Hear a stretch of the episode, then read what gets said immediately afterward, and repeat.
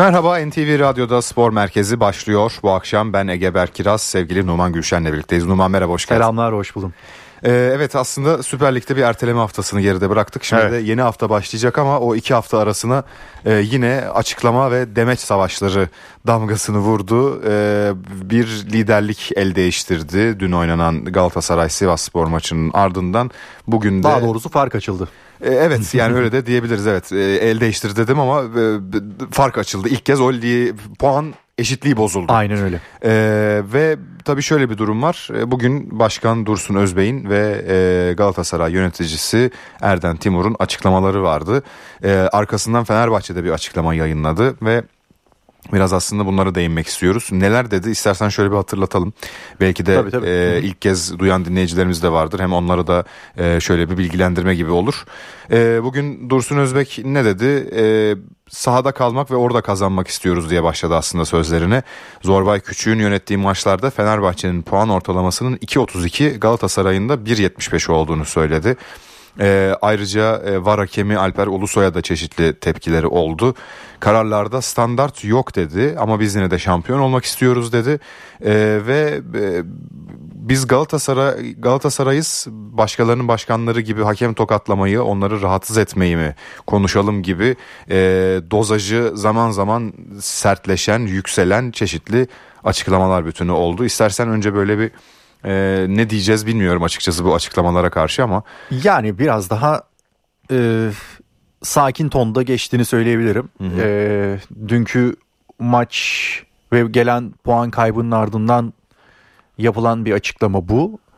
E, ama eğer bakacak olursak belki de itiraz edilen pozisyonlara yani beklenen bir penaltı pozisyonu var. Biliyorsun Abdülkadir parmağın yere düştükten sonra eline çarpan top ama öncesinde görünen net bir faul var ona baktığımızda. evet.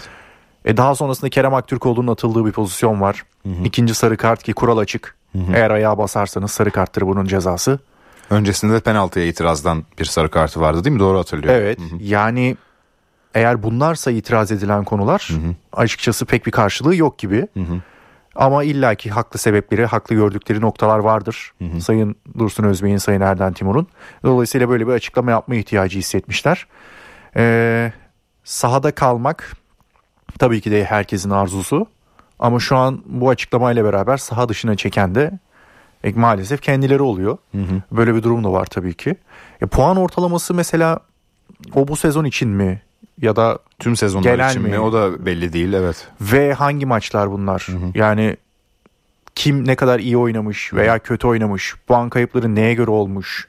Yani daha detaylı bence bir istatistik gerekiyor bunun için.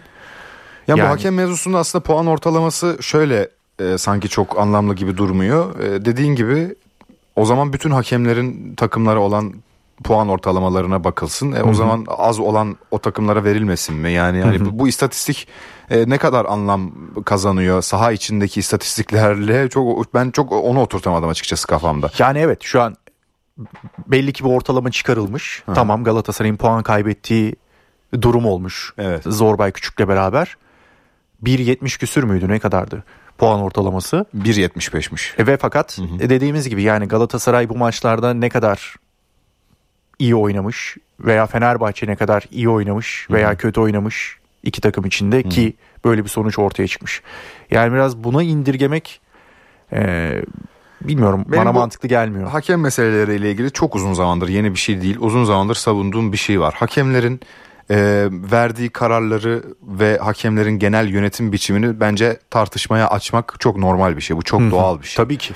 E, hakemlerin yönetimi sadece Türkiye'de değil her yerde tartışılıyor. İngiltere'de bu sene çok fazla mesela skandal kararlar verildi. Liverpool- Liverpool'un kaç puanı gitti Aynen mesela? öyle. City'nin mesela en son hatırlamıyorum e, atağa çıkarken atağa kesildi. Doğru. E, çok fazla hakem hatası. Ya işte her yerde oluyor yani. Liverpool'un Tottenham maçında VAR hakemiyle Evet. orta hakemin anlaşamaması sonrası golü gitti. Golü gitti. Yani hakem oyunu durduruyor bir sıkıntı var mı diye. VAR hakemi tamam diyor sen haklısın kararında diyor. Orta hakem onu yanlış anlıyor Evet. ve offside olmayan pozisyon offside'miş gibi geçerli sayılıp golü iptal ediliyor falan. Yani Çok acayip bir olay. Belki bugün Liverpool liderlikte mesela birkaç puan daha yukarıda olabilir. muhtemelen tabii ki. Yani çok Ee, bir net şekilde. yani.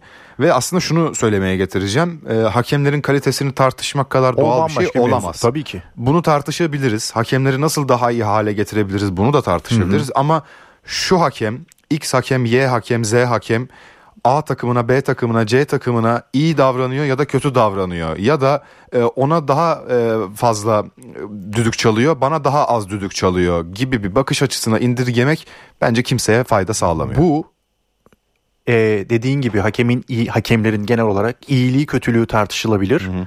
Ama bu bence senin söylediğin şeyden yola çıkarak e, hakemlerin iş etiğine saygı duymamasına getiriliyor bu. Yani duygularla hareket edildiğine Evet. ve ona göre karar verildiğine getiriliyor ve bir iş ahlakı var ve bu ahlakı yerine getirmediğini siz söylemeye çalışıyorsunuz bence. Evet, E, kesinlikle. böyle bir durumda bence söz konusu değil. Sonuçta adamların profesyonel mesleği bu. Aynı fikirdeyim. Ve dolayısıyla orada bir art niyet olabileceğini zannetmiyorum. Evet dediğin gibi iyiliği kötülüğü tartışılabilir. Ve e, buna göre bir yol haritası çizilebilir. E, ama böyle olunca biraz ters oluyor sanki. E, sonra da işte maalesef e, istenmeyen olaylar yaşanıyor. Bak mesela Halil Umut Meler şimdi bir ay sonra anca işte hakem Sahaya geri sahaya dönebiliyor. geri dönebildi. Dönecek. Daha doğrusu yarınki maçla beraber İstanbulspor Konyaspor maçıyla beraber. E ne olacak? Muhtemelen çiçeklerle karşılanacak falan. Yani ama daha sonrasında ne olacak? Aynı tepkileri görmeyeceğinin garantisi var mı? Hiçbir şekilde yok. Maalesef yok. Yani bu olaylar yaşandı.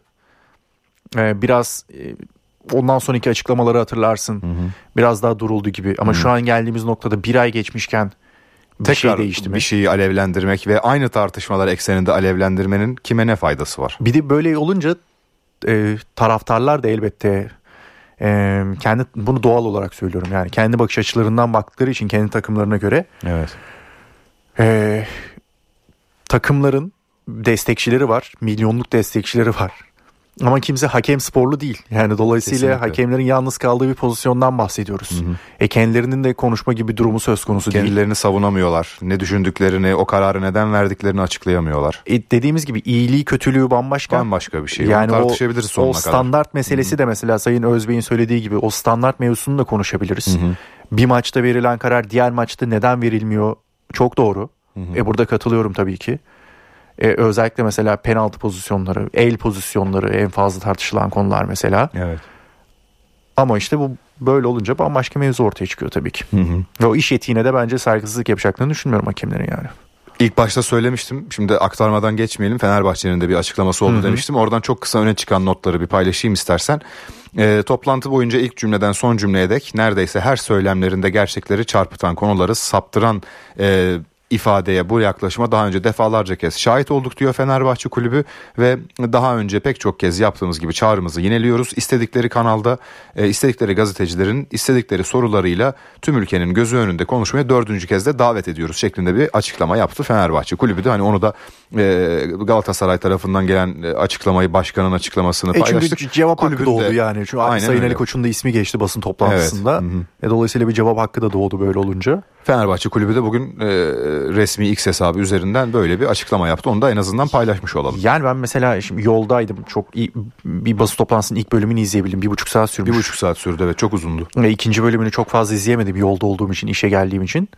Ee, onun dışında mesela daha rasyonel sorular geldi mi bilmiyorum. Sen takip edebildin mi? Mesela Vallahi ben de. Süper Kupa'nın ne zaman oynanacağına dair bir soru geldi mi mesela? Ben de parça parça takip edebildim. Biraz dinledim. Biraz da Twitter üzerinden baktım ne yaz, ne söylemiş diye. Ee, bir yandan çünkü ben de bültenlere hazırlandığım için çok yarım yamalak bakabildim ama görebildiğim kadarıyla böyle bir şey yok. Eğer varsa e, bunu düzeltebiliriz ama görebildiğim kadarıyla e, bu konulara girilmemiş. Bir buçuk saat çok uzun bir süre bir basın Evet. toplantısı için. Evet. Ee, bilmiyorum açıkçası konuşuldu mu konuşulmadı mı. Ama şu açıdan haklı bir soru bu. Konuşulsa iyi olur. E, artık. Değil mi? Yani ya iki hafta geçti galiba değil mi? Daha mı fazla oldu Ee, bilmiyorum. hatta iki hafta. iki hafta gibi bir süre evet. Bugün cuma tabii iki hafta oldu. Yani 2023 Süper Kupası daha belli değil. Ne zaman oynanacak? Oynanacak mı? Ama mesela şu belli. Önümüzdeki 5 yılın yabancı planlaması belli. Yabancı sınır planlaması belli. O da tabii ne kadar sadık kalınacak. Tamam çok teşekkürler bu açıklama için ama e, daha gündemde olan bir mevzu var ve ne zaman oynanacağı belli Evet. değil. Yani 2023'ün Süper Kupa maçı şu an için tarihi belli değil. Çok fazla Boşluk- söylenti var ama Boşluk yaratılacak mı? Oynanacak mı? Ya bu böyle sorular da bizim meslektaşlarımızdan da bence biraz daha rasyonel sorular bekliyorum açıkçası. Evet doğru. Ee, bu ay içerisinde oynatılacağına dair bazı e, söylentiler çıkmıştı. hı. e, ülke Mart deniyor biliyorsun. Ya da şimdi de Mart'ta deniyor. Çünkü şöyle de bir durum var. İki takım da Avrupa'da devam ediyor Evet, yoluna. e, Mart'ta maçlar da başlıyor şimdi.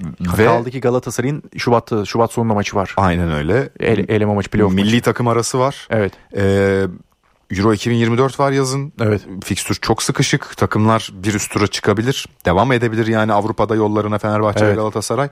O yüzden ne ara yapılacak bunu bir an evvel plan- planlanırsa gerçekten iyi olacak. Evet. Bir de ben açıkçası şu yüzden de istiyorum. Şimdi iki takım da tarihi bir sezon yaşıyor. E, bir derbi keyfimiz olacaktı. Lig içerisindeki maç çok tatmin etmedi futbol açısından Evet. söylüyorum. 0-0 az pozisyonlu vesaire. E şimdi bir tane de bir Süper Kupa heyecanı açıkçası ben izlemek istiyorum. Bu iki takımı zaten federasyonun da asıl amacı buydu. Aynı hafta içerisinde iki kere oynatıp 5 gün arayla iki derbi. E bari hadi bir oynatın da izleyelim iki takımı. Ve şöyle bir kim alıyor kupayı? Yani kimin aldığı da açıkçası çok önemli değil benim için. E, yani bir güzel bir futbol maçı izlemek istiyorum ben yani. Biraz bu açıdan da ben merak ediyorum yani ne zaman oynanacağını. E, ama dediğin gibi bir an evvel de oynansa iyi olur gerçekten. Aynen öyle. Şimdi istersen e, biraz transferlere geçelim. Olur tabii ki. E, Fenerbahçe zaten Bonucci'yi aldı. E, müthiş bir profesyonel 36 yaşında sene sonuna kadar sözleşme imzalandı. Antrenmanlara da çıktı ve bugün e, muhabir arkadaşımız sevgili Gürkan Ak paylaştı. E, hafta sonu kadroda olmasını bekleniyor. Evet. E, Bonucci'nin bu da böyle bir bilgi. Bugün de Kronic geldi. Şimdi Kronic transferini biz aslında sene başından beri konuşuyoruz zaten. Doğru. İsmail Kartal'ın istediğini bildiğimiz bir isimdi. Ee, yazın olmadı, kışın oldu. Sen Evet. nasıl buluyorsun? Fenerbahçe'nin gerçekten ihtiyacı olup olmadığı bir mevki sorusunu sorarak başlamak istiyorum sana. Orada çok fazla alternatifi var ama bir altı Alternatif- numara. Alternatif var ama e, özellikle mesela Fred'in yokluğunu hatırlatayım ben sana. Evet. O olmadığı sürede Trabzonspor maçında vardı ama o mağlubiyetle başlayan ve 5 maçlık bir periyot vardı Fred'in yokluğunda ve Evet. hayli bocaladı Fenerbahçe. Yani Fred'in takımdaki ne kadar büyük işler yaptığının bence göstergesiydi onun yokluğunda. Çünkü o boşluğu Crespo ile veya Zayt's'la dolduramadı. Ee, burada hem Fred'e yardımcı olabilecek. Fred'in yaptığı ne? Ee, işte boşluk bloklardaki boşluklar arasını doldurabilmek, oralara kaçabilmek. Oradan bir pas istasyonu yaratabilmek kendisine.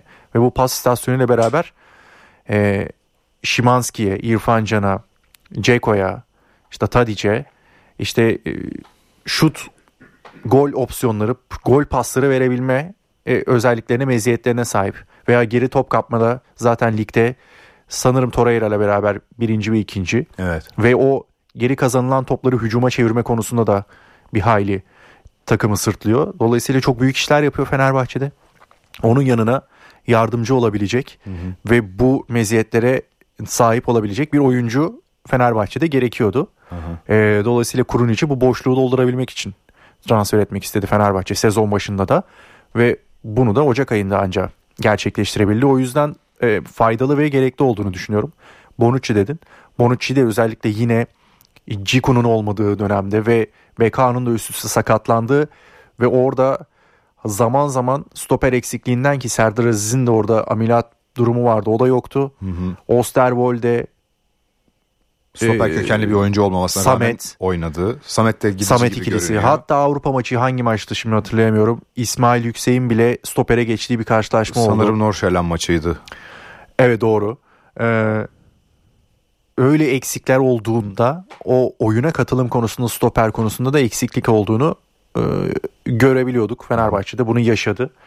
E, futbolda sakatlık bir gerçek ve dolayısıyla bu gerçekliği bir şekilde böyle ikame ederek ancak toparlayabilirsiniz. E, Bonucci de bu e, bölgenin en üst düzey isimlerinden biri. O yüzden hem oyuna katılım pas kalitesi, uzun paslar konusunda ve takıma liderlik edebilecek, defanstan başlayacak bir liderlikle beraber önemli katkı vereceğini düşünüyorum açıkçası Bonucci'nin 36 yaşına rağmen. Ben de aynı fikirdeyim. 36 yaşına rağmen bir de zaten öyle bir fiziği var ki hiç yani kendine bakmaktan asla e, vazgeçmemiş. Sürekli devam etmiş. Çok büyük bir profesyonel. Yani futbolda artık yaş çok ilerledi. Ya bak Pepe hala oynuyor mesela. Ve Kırkına ulaştı o değil mi? Tabii 40 Tabii yaşında. 41 41 Ha, olması hatta lazım 41 yanlış olabilir evet. Ve Beşiktaş Pepe'yi gönderdikten sonra o bölgede kaç transfer e, sirkülasyonu olduğunu Çok oldu hatırla. evet. Yani şu an say- saysak biz bitiremeyiz büyük ihtimalle. Yani Pepe kalsa belki efsaneye dönüşecekti Beşiktaş'ta. O gittikten sonra bir maaş problemiydi yanlış hatırlamıyorsam. Hı hı. O gittikten sonra belki de birkaç katı fazla zarar uğradı. Bak hala işte Ruiz'in e, Daha davası yeni kapandı. Kapandı ve ceza ödemek zorunda 2,5 kaldı milyon euro gibi bir paradan bahsediliyor orada. Yani dolayısıyla yani futbola yaştan geldik şimdi bu konuya. O yüzden e, 36 özellikle stoper bölgesi için çok Çok da önemli değil e, yani. değil gibi. Mesela örnekleri var. Thiago Silva hala oynuyor mesela. Üstelik Chelsea gibi üst düzey bir kulüpte. Aynen öyle. Belki hani Bonucci fizik kalite itibariyle Premier Ligi belki kaldıramayabilir. Ama Süper Lig'de e, ligimizde ben Bu seviyeleri rahat oynayacak gibi oynar diye tahmin Bana da ediyorum. öyle geliyor. Şimdi bugün bir isim daha çıktı Fenerbahçe için. Ee, o isim de Partizan'da oynayan Mateus Saldanya. Bu Evet. ismi e, ga- galiba hepimiz ilk kez duyduk. Evet. Yani Sırbistan Ligi'ni e, takip edenler mutlaka Ee, Onun vardır ama. öncesinde bir de Japonya 2. liginde zaten oynayıp Sırbistan Evet. ligine geçiyor. O Aynen yüzden öyle. çok tanıdığımız bir isim değil. E fakat tabii orada herhalde ayrılacak oyunculara göre yapılacak bir transfer olur bu. Çünkü e, elinizde Ceko var. Kim gidebilir Birinci- sence? Belki Batshuayi ama o da çok da e, ihtimal vermiyorum açıkçası. E, Fenerbahçe kime elden çıkarmak isteyecektir? Birinci aday Kent galiba. Evet. İkinci aday işte orası biraz soru işareti. Çünkü bu seneki yabancı sınırını da düşündüğün zaman elden mutlaka birkaç oyuncu çıkarmak Yani gerekiyor. dün Gürkan'la konuştuk ve Kent oynayamadığı için mutsuz. E, haliyle oyuncu da oynayabileceği bir yer e, Arıyor, istiyor. arıyor. Ve dolayısıyla Kent'in ayrılığı olabilir. E, o ihtimal var. E, Batshuayi sezon başında ayrılacaktı ama sezona devam edecek gibi de duruyor. O da e, başka bir konu. Eğer ayrılırsa belki ondan sonra bu transfer gerçekleşebilir. Evet. E yine şimdi tam buraya gelmeden önce sosyal medyada çıkan haberler Partizan cephesinin böyle bir satış konusunda sıcak olmadığına dair haberler çıktı. Evet. E, biraz sanki düşük bir ihtimal gibi duruyor bu transfer. Ve Ee, zaten ihtiyacı olan noktalara da Fenerbahçe transferi çok hızlı ve ani bir şekilde bitirdi yani. Burada galiba Fenerbahçe'nin tasarrufu şu. Şimdi oyuncu 24 yaşında bir e, hani tırnak içerisinde Wonderkid olarak adlandırılan 19-20 yaşındaki Evet. yeteneklerden biri değil ama 24 yaş da fena bir yaş değil. E, oyuncuyu ortalama bir ücrete alıp 1-2 sene faydalanıp daha sonra yine yüksek paralara satmak üzerine bir plan olduğunu düşünüyorum ben. E, oyuncu 24 yaşında forvet oyuncusu aynı zamanda sol kanatta da oynayabiliyor ve bu sene ee, Sırbistan Ligi'nde 24 maça çıkmış ve 15 gol 5 asist kaydetmiş. Bayağı iyi bir rakam bu aslında. Evet. Bir e, ya o lig için de çok iyi bir sayı bu bence. Dediğin gibi daha önce Japonya 2. liginde liginde forma giyiyormuş ve oradan da 1.3 milyon euro bonservis bedeli karşılığında Partizan'a transfer olmuş. Yani burada Fenerbahçe biraz daha yine e, çok yıldız bir isme gitmeyi tercih etmiyor. Çünkü saha içi liderleri de arttı zaten. Bonucci, işte Tadic, Ceko artık e, onlar saha içinde gerçek liderler. Burada biraz daha görev adamı, hızlı, genç, e, istekli, kendini göstermek isteyecek bir oyuncuya yönelmiş gibi görünüyor. Bakalım ne olacak o transfer Belki, belki. ileri vadeli bir transfer de olabilir. Çünkü Ceko'nun da 37 yaşında olduğunu hatırlatalım. Evet doğru. Yani o noktada bu sezondan sonra ne kadar daha e, üst seviye performans gösterebilir? Ama böyle Önümüzdeki giderse sezon- gösterebilir gibi görünüyor. Yani çünkü şöyle dediğin çok doğru aslında. 37 yaşında Türkiye'ye gelip e, bu kadar fazla forma şansı bulup bir de üzerine bu kadar gol atacağını ya da hadi gol atmayı da geçtim. Saha içerisinde sadece ceza sahası golcüsü olmak değil orta sahaya kadar gelip top dağıtıp Evet, tabii, bütün tabii. arkadaşların 90 dakika boyunca yönlendirecek bir kalite göstereceğini daha doğrusu kalite göstereceğini belki herkes biliyordu ama Evet. efor anlamında bu yaştaki bir oyuncudan belki de beklenmedik bir performans Evet. gösteriyor. O yüzden bilmiyorum yani Ceko deyince belki yapabilir gibi de geliyor bana. olabilir tabii. Galatasaray'da da Berkan geri döndü. Evet. Ee, onun dışında orada zannediyorum Galatasaray için çok bir büyük bir e, transfer harekatı en azından şimdilik transferin ilk 1-2 günü içerisinde yok gibi görünüyor. Evet. Ayrılacak oyuncular olabilir, gelen oyuncular olabilir. Berkan'ın da geri dönüşünü sen nasıl buldun? E, çok fazla forma şansı bulamadı Genoa'da. Genoa'da. Ve orada teknik direktörle yaşadığı bir problem problem mi artık ama oyuncu açısından elbette ki problem oynayamaması. Evet. Ve süre bulamayınca da e, geri dönme gibi bir durumu ortaya çıktı tabii ki. 8 maç yanlış hatırlamıyorsam sadece forma giyebildi Genoa'da ve çok az süre aldı. Toplam 8 maçı var evet. E, dolayısıyla Galatasaray'da geri çağırdı. 5 milyonluk aslında çok da e, önemli bir zorunlu olmasa da bir satın alma opsiyonu vardı ama Hı hı. e, ihtiyaç şöyle Galatasaray'da orta sahada işte Oliveira'nın hem sakatlanmış olması hem de belki de geçen sezondan beri şampiyon tamamlanmasına rağmen bir yetersizlik durumu söz konusu orada Oliveira'nın ve e, orada da yine e, Fenerbahçe gibi Torreira'nın bu kez Galatasaray'da da yalnız kalması oradaki o partnerini bir türlü e, sağlayamaması Galatasaray'ın belki hem de Türk rotasyonu açısından da böyle bir transfer etti. Kerem Demirbay'ın tabii ki de son haftalarda bir çıkışı var. Belki biraz orada kendini buldu diyebiliriz. Evet. Ee, Kaan Ayhan zaman zaman orada oynuyor. Ama istikrar yok tabii ki. Ama Kerem Demirbay'ın son 2-3 haftadır da fena bir performansı yok. Ee, öyle bir ihtimal ve öyle bir opsiyona itmiş olabilir Galatasaray'ı. Berkan da e, en azından Süper Lig açısından e, o bölgeyi kaldırabilecektir diye tahmin ediyorum. Ben de öyle düşünüyorum. Ee, Berkan biraz eleştiriliyordu Galatasaray'da oynarken Evet. ama e, aslında eleştirildiği kadar da ben kalitesinin öyle düşük olduğunu falan düşünmüyorum. İyi ma- oynadığı maçlar e, bayağı fazlaydı burada oynarken. Milli takımda da bence performansı Evet. hiç fena değildi. Birkaç kötü maçı maalesef hafızalarımızda ama bakalım e, Galatasaray'da nasıl bir iş yapacak. Nurman süremizin sonuna geldik. Çok Peki, teşekkürler. ben teşekkür ederim. İyi akşamlar. İyi akşamlar.